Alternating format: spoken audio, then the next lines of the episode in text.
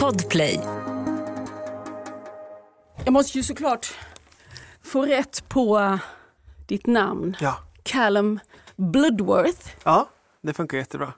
Det låter ju som stiget ur en uh, Ivanhoe. Jag vet. Det, det är många som säger att jag inte borde satsa på feelgood utan borde satsa på någonting helt annat. Men eh, Ja. Blodvärdig. Ja, men exakt. det är lite lejonhjärta ja, ja över lite det. så. Jag kanske borde satsa på det sen, liksom översätta det, Kalle Blodvärdig. Ja. Det hade varit något.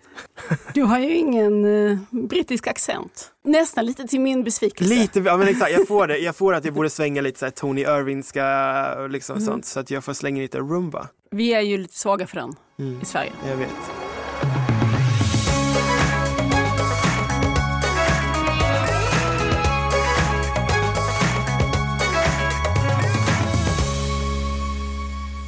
Här är Samtal om böcker. Jag heter Lisa Tallroth och idag ska det handla om det som den insatte kallar YA, Young Adult. Och då handlar det om böcker för unga vuxna. De här kan förstås också glädja den som bara kallar sig vuxen. Dagens gäst heter Callum Bloodworth. Han är aktuell med romanen Berätta tre saker. Och där möter vi Dag och Liv som lär känna varandra på varsin sida av en stängd dörr.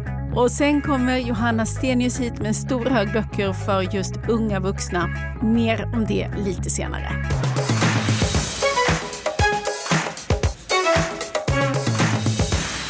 Välkommen hit Callum. Tack så mycket. Vi har ju rätt ut lite grann inledningsvis här det här med att du har ett så brittiskt namn. Ja. Och att du till och med kallar dig britt. Men sen kommer du och talar helt eh, flytande svenska. Ja, det är som besvikelse. Ja, men Det- är förvirrande i alla fall för den som inte känner till bakgrunden. Ja, precis. För du flyttade hit redan som barn. Ja, exakt. Jag var, skulle fylla 12 när jag flyttade hit. Så det var väl på rätt sida den här äh, språkgränsen tror jag. Så det var ju lite så här, det gick i svensk skola, jag snappade upp och eh, det gick ganska bra. Så att eh, vi har ju egentligen ingen koppling till Sverige förutom att vi hade några svenska kompisar som vi träffade i England som sa det är jättefint här, kom och hälsa på. Och mina föräldrar tog det lite väl bokstavligt och sålde allt och så flyttade vi hit och eh, med takbox, tält och en bil. Ehm, och så blev det så att vi stannade kvar i 20 år nu blir det. Mm. Men när känner du dig, men du känner dig ändå brittisk och du pratar engelska med dina föräldrar och sådär gissar jag. Så att det finns, det finns kvar, det är svårt det där, för jag, jag får ju ibland frågan, tänker jag på engelska? Och så börjar man tänka på hur man tänker och sen så blir det helt liksom, inception. Det, det är ju svenska för 97 procent av tiden liksom. Så. men jag har hört ryktas om att du i alla fall har en tesamling.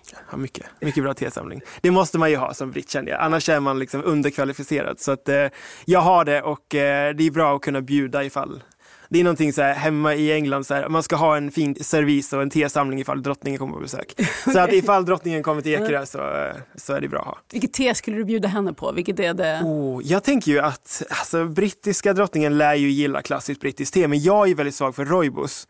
Så att jag tänker att jag ändå skulle ha jag tänker att hon ändå får välja mellan två. Det är ändå Ja, men det är schysst. lite, lite att schysst inte alltid bara förutsätta att hon är den, har det mest konservativa valet. Man att kan ju nå- tänka att hon har fått en del av det i sitt liv. Ja, men jag tänker att folk har bestämt te åt henne så länge att nu vill hon bestämma själv. Hon är ändå så pass gammal liksom nu att hon, hon kan bestämma själv. Schysst. Fika är inte oviktigt i, din, i ditt berättande och ditt skrivande. Men vi kan börja i en annan ände för det finns fler teman i den här romanen. Berätta tre saker. Vi har ju huvudpersonerna Dag och Liv som det kretsar kring. Du har liksom en väldigt tydlig och bra idé för upptakten till den här berättelsen. Berätta vad det är som händer Liv i början av boken. Men Liv är ju 16 år, hon är ganska ensam. Hon har flyttat in i sin stora systers garderob för att hennes mamma har gått bort. Ehm, och nu bor hon i en, eh, en ny stadsdel och börjat en ny gymnasium. Hon kommer inte riktigt in i klassen och eh, hennes stora syster ska då hjälpa henne ut. Hon bara så här, nu ska du träffa folk. Så då tvingar hon iväg henne på en fest som hon absolut inte vill gå på. Och där blir hon kysst av en kille som inte ens vet hennes namn av misstag. Eh, som då råkar vara skolans mest populära kille. Och sen som någon slags här, krona på verket så får hon samtalet ett par dagar senare att hon, eh, eller att han eh, har testats positiv för corona. Och det här spel utspelar sig då i mars 2020. Han har precis kommit hem från italienska alperna. Det här är helt nytt. Och eh, hon då får att hon måste isolera sig i 14 dagar. För så var det ju i början där. Eh, att man bara låste in folk och bara, vi vet ingenting, du får stanna där tills du, och om du har symptom så är det mer. Och folk var ju rädda på ett annat sätt som vi kanske, vi kanske har glömt det lite nu, mm. hur, hur, det var i början, hur lite vi visste om detta, hur länge det skulle pågå, överhuvudtaget så var det ju en stort obehag kring det här. Ja, verkligen. Det var ju så, så himla nytt. Det, fanns ju ingenting att förhålla sig till. Eh, så att man gjorde ju helt enkelt bara så här, nu stanna där och så väntar vi och ser vad som händer. Eh, och det var ju en extremt obehaglig tid så Liv måste då isolera sig, hon får låna sin systers lägenhet och eh, hennes ensamhet den blir väldigt konkret då i och med att hon måste sitta i karantän. Men hon har ju också det här i sitt, sitt liv. För berätta lite grann vad som händer runt om henne. Och... Precis, för hennes första tanke när hon då hamnar i karantän är det här är ju inte helt, eh, eller hon blir liksom ledsen över att det här inte är så olikt hennes vanliga liv utan eh, det här är ju ungefär en, en förlängning på det för att hon i och med att hon fortfarande bearbetar sin mammas död och hon har flyttat till en stadsdel där hon inte känner någon och redan innan var en sån som kanske höll sig för sig själv och hade mer fiktiva vänner än riktiga vänner. Hon brottas ju med allt det här och då hamnar i den här karantänen och ovissheten och hennes enda kompis egentligen, eh, förutom hennes mamma som hon inte kan prata med längre, är ju hennes mormor som bor 80 mil bort. Så det blir ju väldigt, väldigt påtagligt eh, när hon sen också tvingas vara på 30-ish kvadrat eh, på Kungsholmen.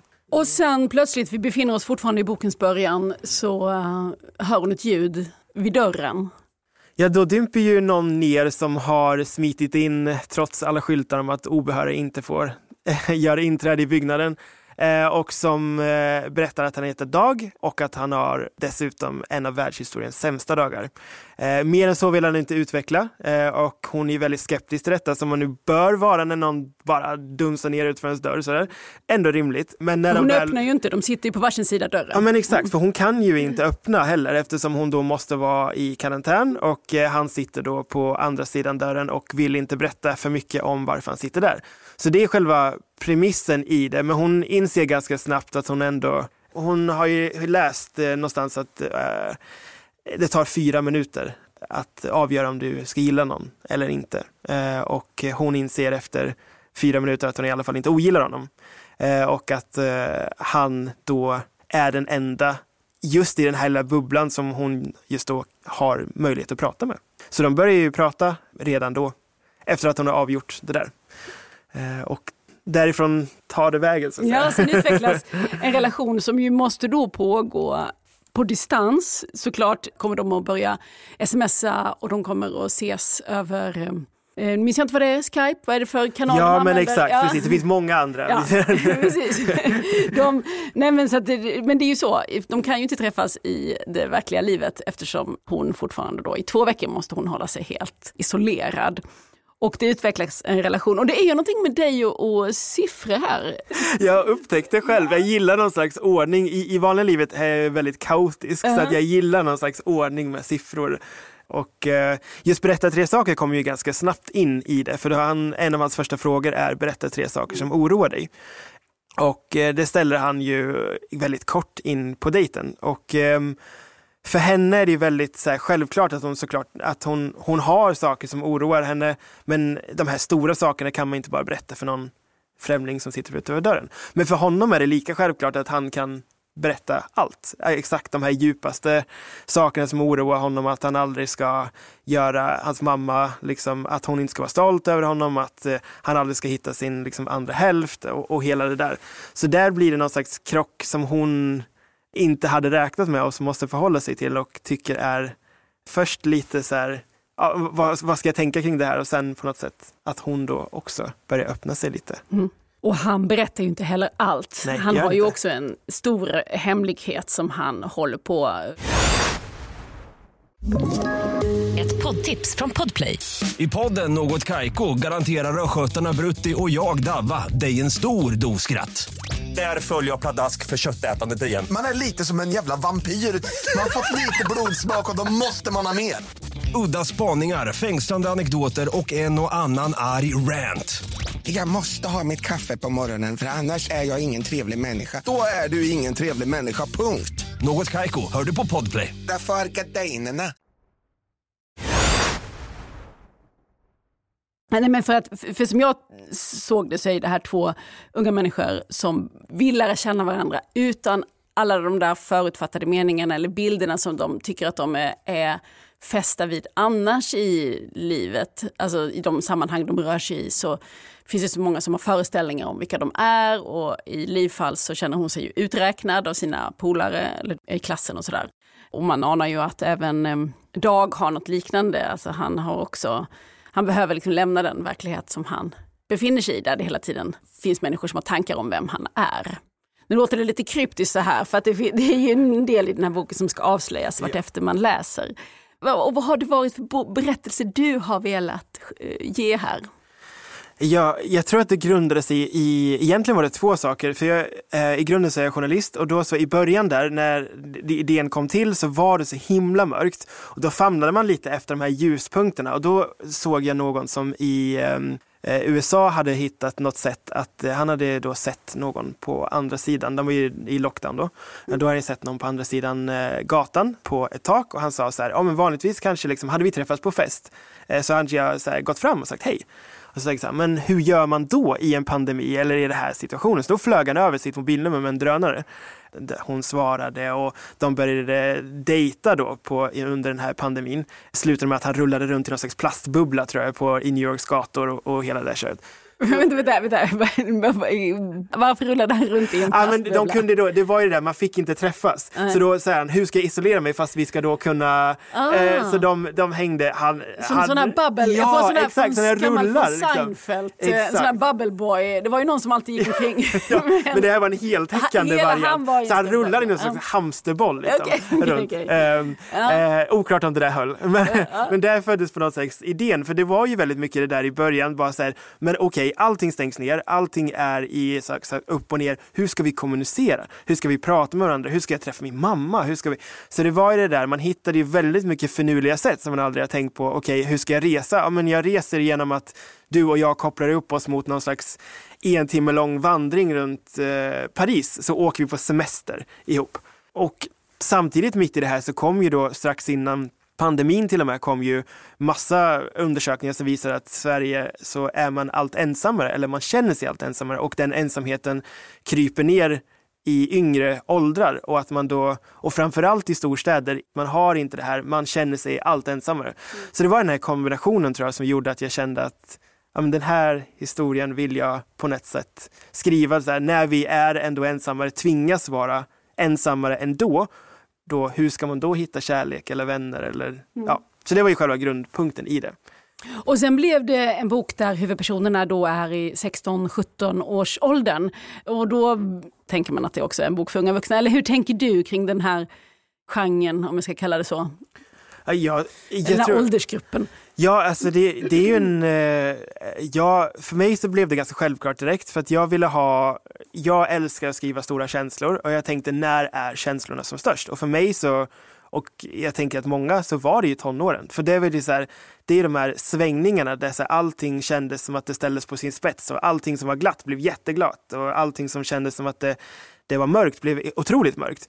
Så det var ju därför jag placerade dem i den åldern där man försöker liksom hitta sig själv och man försöker att komma till fund med vem är jag? Och eh, jag, jag, tycker det är svårt för att det, det är ju i grunden en kärlekshistoria. De råkar bara vara i den åldern och eh, den genren överhuvudtaget. Jag började läsa ung vuxen-genren när jag var vuxen eh, och jag tycker att den är fantastisk genre. Jag älskar ju det här eh, att man, eh, den, den, är ganska rak men ändå vågar ta stora känslor. Den är ju väldigt driven på något sätt, eh, som böcker som här, John Green, Rainbow Rowell och det är liksom så här, det är inte så mycket eh, liksom runt omkring utan det är så här pang, pang, pang på. Och jag tror ju att eh, och det här är inte bara för att jag liksom, för min egen, liksom, min egen bok, utan för överlag så tycker jag att ung vuxen-genren är en genre som passar både neråt och uppåt. För när jag var i den åldern ville jag läsa vuxenböcker för jag ville vara vuxen. Jag kände bara, nu är jag klar. Liksom.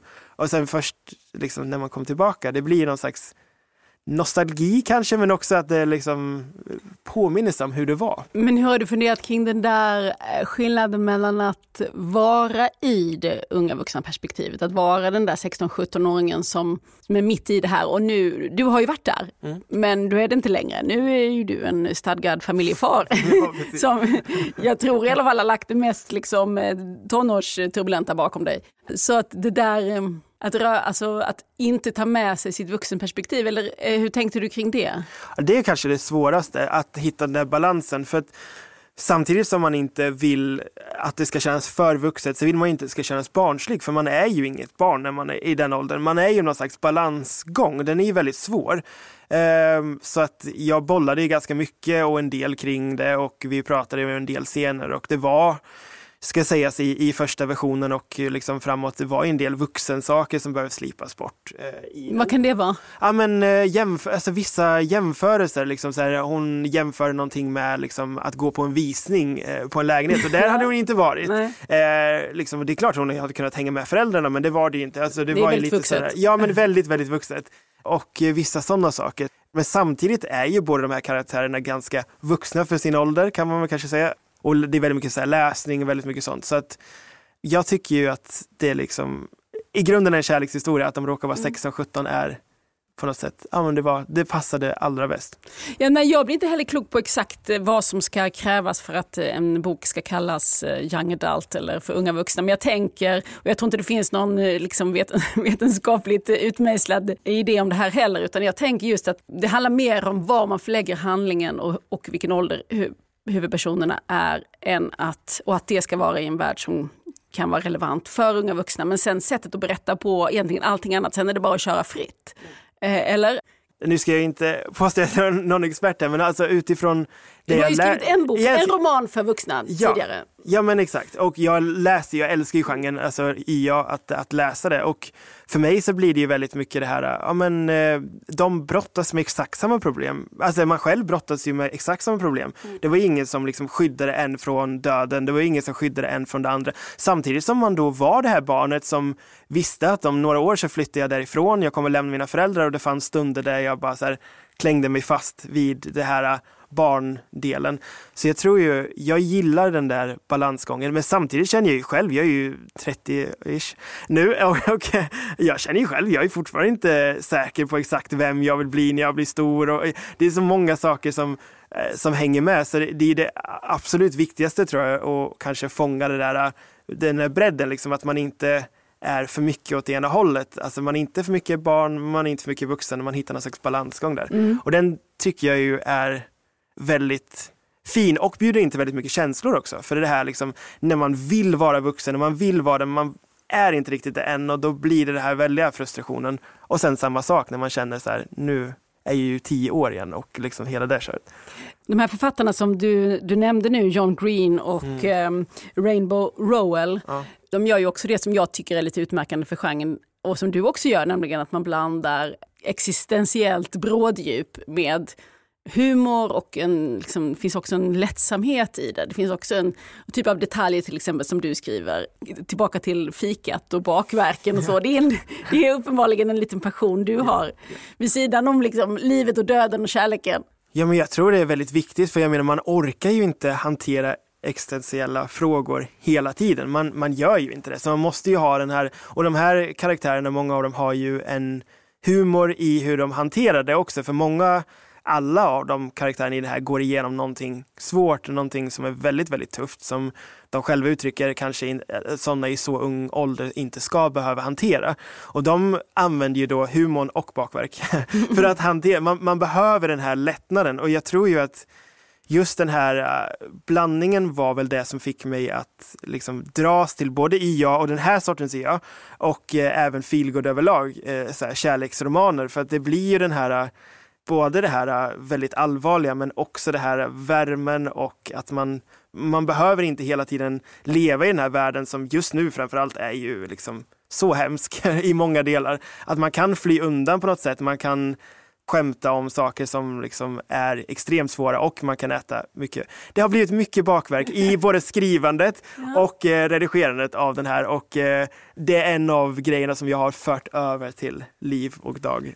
Du bakar själv och håller på eller? Jag önskar att jag var bättre, men jag bakar och är en väldigt entusiastisk ätare av bakverk. Och jag menar, det, det, det, känns ju inte äkta om inte jag har smakat alla cupcakes. Då måste ju faktiskt göra det. Så att, uh, research. Cupcakes, wienerbröd, ja. bullar. Vad är det mer som dyker upp alltså, om du får bestämma? Jag har ju croissanter, är ju också en, en, en, liksom mm. så här, en, en last. Så att, eh, jag har hört att man, eh, och har sagt liksom som folk som ska börja läsa den, att så här, ha något, något att äta till är ju alltid trevligt. Liksom. Det kan, Uppmuntra till behövas. socker och smör. Inom räckhåll.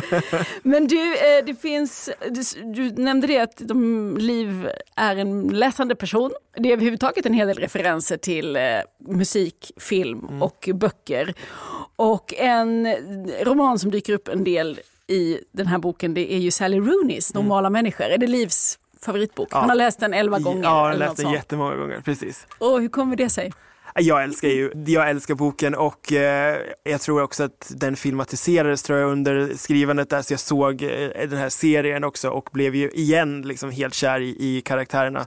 Den är ju så himla fin på något sätt men också det har ju det här djupet så att det är också en kärlekshistoria. Verkligen. Och kärlek med förhinder får man säga. Eller ja. två personer som från olika miljöer som försöker få det att gå ihop. Men det är inte så lätt när man kommer från helt olika världar. Nej men exakt och det är det här, de här två, och jag inte på något sätt jämför, men det, det, är lite det där som, som jag gillar det här, liksom lite det med förhindren och det här hur ska vi, hur ska vi lyckas och hur ska vi inte göra det. Och jag var ju själv som barn en som sökte sig till liksom, böcker och försvann ner i, i de världarna. Liksom. Så, så att, eh, nej, den, det var ett av, av de självklara valen. Och musikmässigt var det ju också det jag ungefär lyssnade på när jag skrev det, så det blev lite naturligt att jag droppade in. Och jag har en, en hemlig eh, liksom... Eh... Spellista? Ja, nej det finns absolut en spellista. Ja, ja precis. Under Berätta tre saker? Ja, det gör det. Så att, eh, den kan man också lyssna på om man vill efteråt. Så och berätta finns... lite, vad finns på den? Det finns, den börjar med Amy Diamond, What's in it for me, som alla bra spellistor gör. Mm. Sen är det lite olika, det är Taylor Swift, det är Mando Diao som då var mammas eh, eller den låten de lyssnade på när pappan och eh, syrran drog och även Kent som var mammas favoritlåt. Så det är lite blandat och lite sånt som jag lyssnade på under tiden. Mm. Um, jag gillar ju både att läsa men också liksom musik överlag så att uh, för mig var det försökte jag smyga in lite referenser här och där. Men det tänker jag just är svårt om man skriver om en annan åldersgrupp än sin egen. Det är snabbt att avslöja sig där. Du var tvungen att lägga in några favoriter som ja. mammans, livs mammas. Som är mer min ålder. ja, precis, för att, att liksom hitta rätt mix där eh, vet jag inte om jag skulle våga göra utan att ta hjälp av en referensgrupp. Ja. Hur gjorde du? Jag kollade lite också, ja. liksom så här, dubbelkollade, kände igen och det var någon, det var några som jag så här, bollade lite med min redaktör också. Så här, vad är det här verkligen? Går det här? Funkar det här? Och då bollade hon hon, eh, hon har ju en tonårsdotter eh, eh, som hon bollade med också, så det var ju toppen. Det är jättesvårt, för böcker kan ju vara väldigt så här, eget. Det kan man ju tycka om kan man läsa klassiker som 13-åring. Liksom så här. Men, men musik är ju väldigt så här, det går ju också från vecka till vecka, det är så himla svårt. Men eh, nej, jag hoppas att jag träffar dig hyfsat rätt i alla fall. Ett poddtips från Podplay. I fallen jag aldrig glömmer djupdyker Hasse Aro i arbetet bakom några av Sveriges mest uppseendeväckande brottsutredningar. Går vi in med hemlig telefonavlyssning och, och då upplever vi att vi får en total förändring av hans beteende. Vad är det som händer nu? Vem är det som läcker? Och så säger han att jag är kriminell, jag har varit kriminell i hela mitt liv men att mörda ett barn, där går min gräns. Nya säsongen av Fallen jag aldrig glömmer på Podplay. Men dina huvudpersoner här, Dag och Liv, de är lite nördiga båda två. Kan man säga så? Ja, verkligen. De är ju fullspäckade med olika typer av eh, märkliga fakta. Till exempel har de ett är det Liv som vet att krokodiler råkar ha det mest sofistikerade hjärtat i djurriket? Exakt. Det här krokodilhjärtat är något som de återkommer till. Och berätta, vad är det för något? Jag hade väl som mål att hon skulle vara en sån, så okej, okay, jag har mycket tid. Vad, vad är det hon lägger tiden på? Hon läser böcker och hon tar reda på en massa fakta om världen som andra anses vara onödig, men hon som hon tycker liksom är väldigt fint. Det är en bra isbrytare liksom, tänker jag, med krokodil. Och sen just med krokodilhjärtan så tänker hon det och råkar säga det högt, för hon, hon säger det väl själv, det är ju inte det smartaste att dra in reptilers organer i, i ett samtal, men det råkar bli visade så. Det sig vara. Ja, det visade sig faktiskt vara ett genidrag. Så att, mm. men, men förklara, på vilket sätt är det här hjärtat så sofistikerat? Nej, men den kan, hon beskriver det, den, är liksom, den har, har flera valv om jag förstått det rätt, så att den kan liksom så här, den kan hålla, framförallt hålla andan i extremt lång tid och den eh, har en massa olika egenskaper som gör den väldigt sofistikerad eller väldigt hemsk på ett sätt för den kan ju också dränka sitt byte på typ en, en timme eller någonting.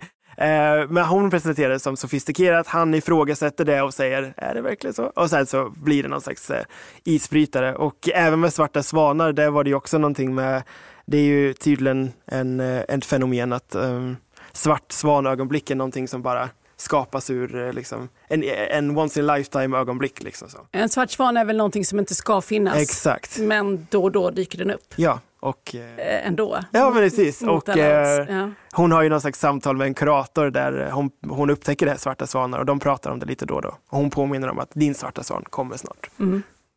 Eh, men sen rör vi oss ju också mellan hopp och förtvivlan. Hur ville du lämna av läsaren? Jag hoppas, det, det, är ju, ja det är som du säger, det är väldigt mycket liksom när det är rosaskimrande är det väldigt rosaskimrande, när det är mörkt så blir det liksom ganska mörkt. Jag hoppas att man i alla fall ska hitta, att man ska lämnas med värme, att man ska lämnas med någon slags hopp och tro om att eh, kärlek och vänskap liksom på något sätt övervinner de här stora grejerna och att det, det liksom går att satsa på något sånt mitt i när det är som mörkast i världen också. För det är väl lite det där att ska man ska man våga, jag tror att jag tar upp det någon gång också, det här att men det känns som att allting borde bara stanna upp under liksom de här mörkaste stunderna. Liksom, vågar man verkligen satsa på kärlek, eller i det här fallet för vänskap har ju en väldigt stor betydelse i det här också. Eh, vågar man satsa på nytt där, mitt när världen håller på att gå under. Så det är väl lite det där att man ska våga satsa på det och att ensamhet inte varar för alltid. Mm. Mm. Eh, en del saker kan vi inte skydda oss mot men vi kan liksom hitta sätt att leva runt. Mm, precis. tänkte jag också på. Det ska vi nämna också, du har ju ett eh, dagligt värv som journalist och jobbar hos Expressen med deras tv-produktion. Eh, men frågan är om du, hur mycket du hinner göra det nu. För det, den här kommer ju precis nu, berätta tre saker. Men sen har du ett eh, projekt på gång i vår Ja men exakt, så 36 frågor om kärlek som är den andra har ju släppts som e-bok, så nu släpps den som fysisk bok nu då, mm. till eh, om ett par veckor här. Det är ju också en kärlekshistoria för då vuxna. Men det handlar om en kille som gick in i en 30-årskris, skriven av en kille som höll på att gå igenom en 30-årskris. Ehm, och eh, han då skulle hitta kärlek för det är det absolut viktigaste för honom, man bryr sig inte riktigt om karriär och sånt. Och så slår han vad med sin bästa kompis om att han ska hitta kärlek innan han fyller 30 som är så tre månader bort. Och till... Siffror, siffror. Ja men exakt. Det är, så här, det är bra för mig att strukturera för jag är väldigt kaotisk annars. Så då, det är så här, jag har någonting att förhålla mig till här. Och då hittar han, eh, eller hon, hans bästa kompis då, Emma, hittar en eh, lista som handlar om 36 frågor som ska det heter garantera kärlek men som ska öka chanserna att man faller för varandra. Och de här 36 frågorna finns ju mm. på riktigt. De är framtagna av två eller en man och en kvinna som är giftpar på riktigt och ville forska i kärlek. Och då kom de fram till de här 36 frågorna som ska öka chansen till att hitta varandra. Och då använder han sig av dem då när han träffar någon som han tvingas ihop med av sin mamma för att försöka hitta kärleken, en per dejt. Och det är frågor man faktiskt kan ställa till varandra. Ja. Det är liksom inte saker man bara känner att man måste reda ut, utan det är, är liksom det man... Nej men precis, det är inte så här, vad är ditt personnummer? Utan Nej. det är så här, första frågan är, vem skulle du vilja käka middag med? Ja. Om du fick välja. Mm. Och så är den ju uppdelad så att de första frågorna är då lite så här basic, lite enklare. Men sen så blir det så, tanken är att de ska ställas på en första dejt egentligen, så det är en liten omskrivning av det. Eh, de sista frågorna är ju liksom, vad vill du att folk ska minnas efter din död? När grät du senast? Och sånt. Och det är sådana frågor man kanske inte närmar sig på en första dejt egentligen. Men att man då, syftet med att man ska öppna sig mm. och våga vara mer intim i en första dejt. Och genom det då falla för varandra lite djupare plan. Just det. det 36 frågor om kärlek och den kommer alltså som, finns redan som e-bok? Den finns som e-bok och ljudbok och sen kommer den som fysisk bok nu. Om, eh, så den kommer som inbunden nu om några veckor. Att skriva för unga vuxna, är det någonting du tror att du kommer fortsätta med? Ja, jag älskar ju genren, så får jag möjligheten så, så gör jag jättegärna det. Jag tycker ju att det är sån himla, det, det är ett fint sätt att berätta en historia och den, jag tycker ju om det så mycket så för mig så är det självklart. Och jag skriver ju, jag läser ju också IA och feelgood så att för mig så faller det så naturligt att det blir de två genrerna också. Det, det som gör att det blir IA, om det blir kärlek, om det blir skräck och, och även kärleksromaner överhuvudtaget och feelgood är ju en genre som gärna sätts i någon slags liten låda men även där är det ju så himla brett. Det är så här, innefattar ju liksom allt från död och hela livet överhuvudtaget. Så att, eh, jag tänker att man kan bre ut sig ganska mycket. Jag har inte slängt in någon zombie någon, än i alla fall, men eh, vi får se. Berätta tre saker är aktuell nu och snart också finns eh, 36 frågor om kärlek som fysisk bok. Bägge skrivna av Callum Bloodworth. Tusen tack för att du kom hit. Men tack så mycket.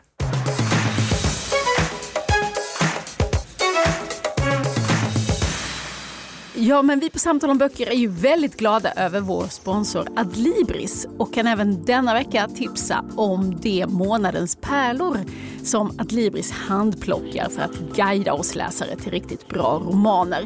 Det här är ju tacksamt för bokcirklar som dessutom får förslag på frågor och diskussionsämnen till varje bok. De ligger då på sajten adlibris.com. Och en av aprils pärlor är romanen En gång om året. Den är skriven av Peppe Öhman. Hon bor i Los Angeles numera och driver bland annat podden Mellan raderna. En gång om året är hennes sjätte roman och här möter vi Carolina som har ett ganska bra äktenskap med en ganska bra man och bonusdöttrar. Tyvärr så börjar Carolina misstänka att hon fastnat i den klassiska kvinnofällan och när hon sen träffar Adam så blir frågan akut. Vilket liv vill hon egentligen ha? Och måste hon välja? En gång om året är alltså en av månadens pärlor hos Adlibris och finns till kampanjpris hela april ut. Tack Adlibris! Johanna Stenius, ja. eh, utan att gå in på detaljer så är du väl ändå mer vuxen än ung vuxen? Ja, man säger ju att liksom det är kroppen som åldras och inte själen, men ja, ändå så är det nog så. Men lik, likväl är, vet jag att du är en hängiven läsare av eh, young adult som det heter i, eh, liksom, när man är lite insatt, men litteratur för unga vuxna som är det vi pratar om idag. Ja, precis. Jag har, det går i perioder, men jag har verkligen eh, länge varit en storläsare av böcker för unga vuxna. Och jag skulle säga att att det också är ganska vanligt, tror jag, bland de, att de här böckerna läses av en vuxen målgrupp lika mycket som av de som kallas unga vuxna. Mm. faktiskt. Det, det, finns ju väldigt många olika typer av böcker för unga vuxna, men jag gillar ju kanske en viss typ då som jag läser, kan storkonsumera ibland. Så. Ja, jag och Callum pratade ju precis om det, att det är lite konstigt att kalla detta för en genre för mm. att det ryms ju såklart en massa en olika genrer ja. inom eh, den här. Men vad de som regel har gemensamt är att karaktärerna i berättelsen är unga. Ja precis, de kan ju oftast kanske då mellan ska man säga, 16 och 25 kanske, mm. i en lagom ålderskategorisering. Det är både sådana böcker som utspelar sig i skolan men också i början av vuxenlivet kan man ju säga. Det kanske är någonting med det som också gör att man som vuxen tycker om att läsa det. För det, det, finns en stor igenkänning i många av de här böckerna från ens egen tid. Den första tiden efter att man har gått, slutat skolan och börjat bli vuxen är ändå sådana år som sätter sig väldigt mycket, tror jag, för de flesta. För man formas så mycket då. Och det ger en själv en anledning att se tillbaka och känna igen sig, tycker jag. Och sen om jag ska säga något mer om varför jag tycker att många ung vuxenromaner är så fantastiskt bra, är för att de ofta de, har, de som jag tycker är bäst i alla fall är de som, det är mycket stora känslor och det är ofta fokus på relationer, det är de som jag läser helst. Och de är liksom enkla och raka på ett sätt som jag uppskattar. Kanske också på samma sätt som jag uppskattar att läsa framför allt romaner med ett kort och rakt språk generellt. Mm. Så tycker mm. jag att många ung vuxenromaner kan vara på det sättet.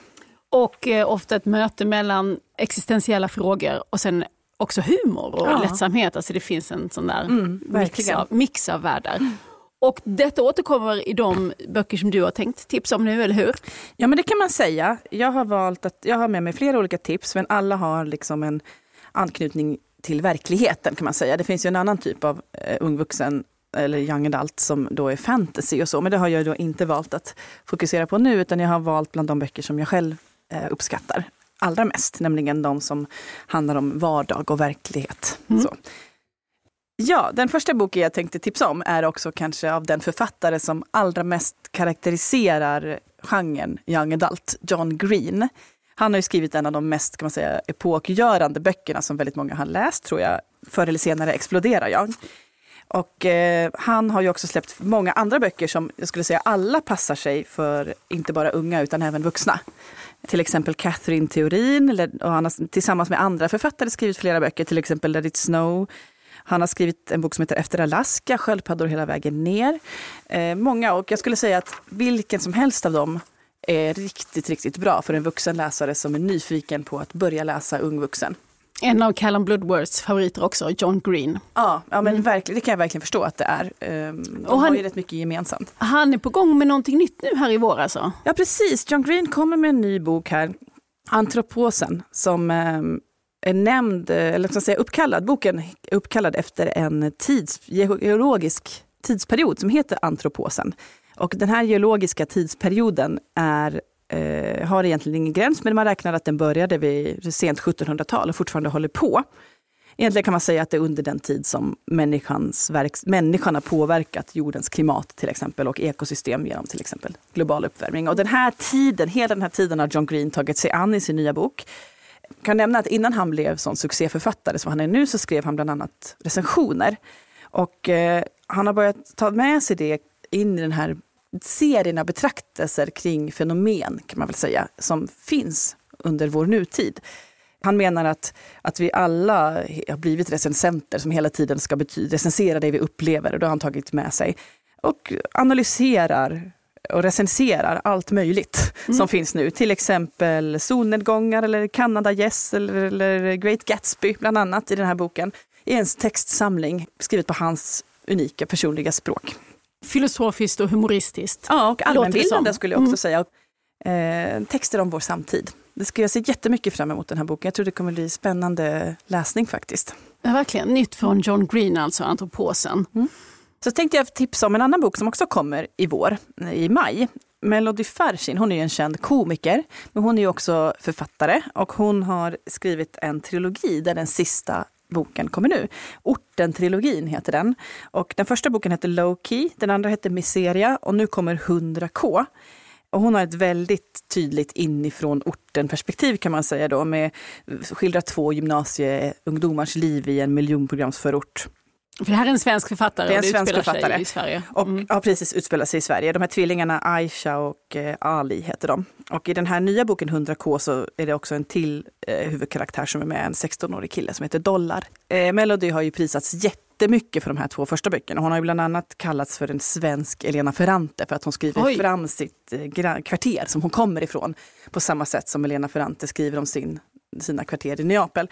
Och eh, också att hon på något sätt har en sån eh, fint sätt att lyfta kvarterets, ortens relation till världen utanför. Mm. Så, att det måste vara hon som kommer därifrån som skriver om det här och att hon gör det på så bra sätt.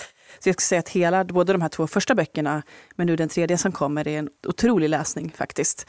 Eh, och hon är värd all, alla priser hon har fått för den. Och de låter det som att man vill ta i ordning? Jag tror kanske... de är fristående, men, jag skulle nog ändå, men som de flesta andra så skulle mm. jag nog ändå tycka att man får ut mer om man tar dem i ordning ändå. Och då är det ju Low Key som är den första boken.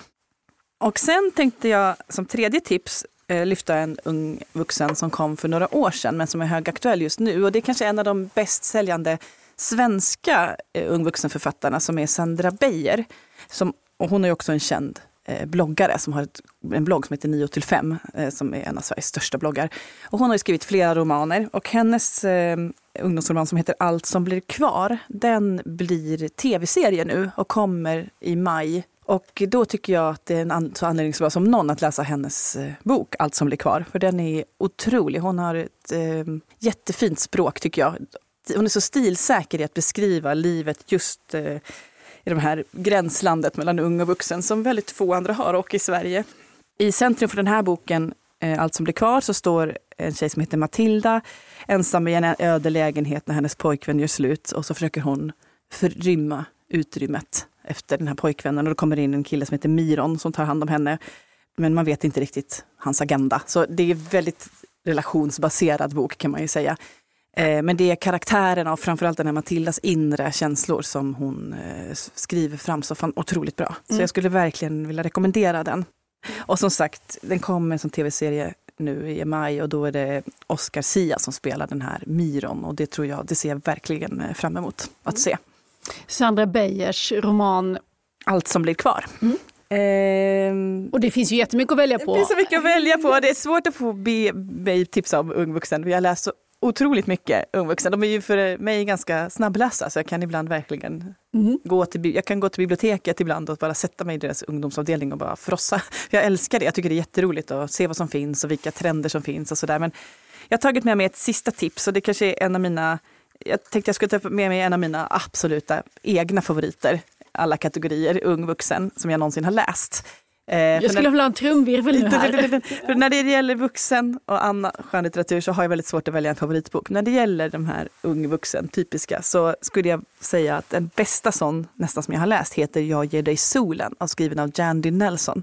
Den är helt fantastisk. Den är så otroligt eh, stark och sprakande och himlastormande. Det handlar om två tvillingar, Noah och Jude, som är väldigt olika men ändå väldigt nära.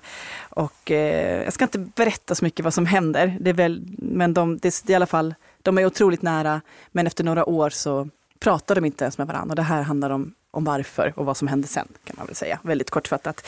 Men den är otrolig. Jag vill verkligen uppmana alla att läsa den som vill känna någonting. Eh, Det- liknar ingen annan jag läst faktiskt. Nu, nu måste jag ju då förmedla att det lyser om dig Johanna. Nej, men det är om den här någonting i boken. den här verklighetsflykten som en riktigt bra relationsroman kan ge. Där man får ge sig hän i läsningen och bara gråta och skratta. Och liksom. Ja men gud. Och jag Ja. tänker att jag som har tonåringar i min närhet, det är också kul när man kan läsa tillsammans. Alltså, eller, inte, ja, om man får till en högläsning är ju det att gratulera, men jag tänkte Ja, mer att man kan, man kan turas om och så har man läst samma bok och så kan man eh, Jag håller med. det. Mm. Och jag kan säga att jag har varit med om det med just den här boken med min tonåring. För att jag sa till henne att hon måste läsa den. Och hon älskade den. Och nu har hon köpt någon speciell utgåva som hon har framme i sitt rum. Så här med framsidan utåt på sin bokhylla. Hon älskade den så mycket också. Så det finns ju något där. Jag ger dig solen av Jandy Nelson. Ni, jag vet ju att man på selmastories.se hittar man ju också Ja. mängder av boktips även i den här kategorin. Ja, det, vi har en eh, speciell tipslista med våra personliga eh, young adult-favoriter som man gärna får gå in och titta. Där finns ju självklart Jag ger dig solen med, men det vet ni nu. väldigt prominent plats. Ja. Men även en del annat. Ja, och absolut. en del av det vi har annat. Mm. pratat om nu också. Tusen tack Johanna Stenius. Tack så mycket. Tack för idag. Nästa gång vi hörs här i Samtal om böcker gästas jag av Sara Gårdan. Hon är aktuell med romanen Natten som handlar om en mamma och en dotter, om den enas vilja att skydda och den andras behov av att slå sig fri. Det ska vi prata om nästa gång vi hörs. Ett samtal som finns ute redan på fredag i gratisappen Podplay, annars på lördag, påskafton, på alla andra ställen. Och följ oss gärna i sociala medier. Där heter vi Selma Stories och jag heter Lisa Tallroth. Hej då! Du har lyssnat på Samtal om böcker, en podd från Selma Stories.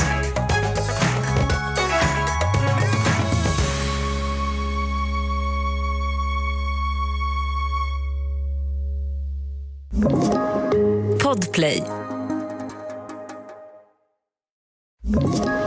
Ett poddtips från Podplay. I podden Något Kaiko garanterar östgötarna Brutti och jag, Davva, dig en stor dos skratt. Där följer jag pladask för köttätandet igen. Man är lite som en jävla vampyr. Man har fått lite blodsmak och då måste man ha mer. Udda spaningar, fängslande anekdoter och en och annan arg rant. Jag måste ha mitt kaffe på morgonen för annars är jag ingen trevlig människa. Då är du ingen trevlig människa, punkt. Något Kaiko, hör du på Podplay. Därför är gardinerna.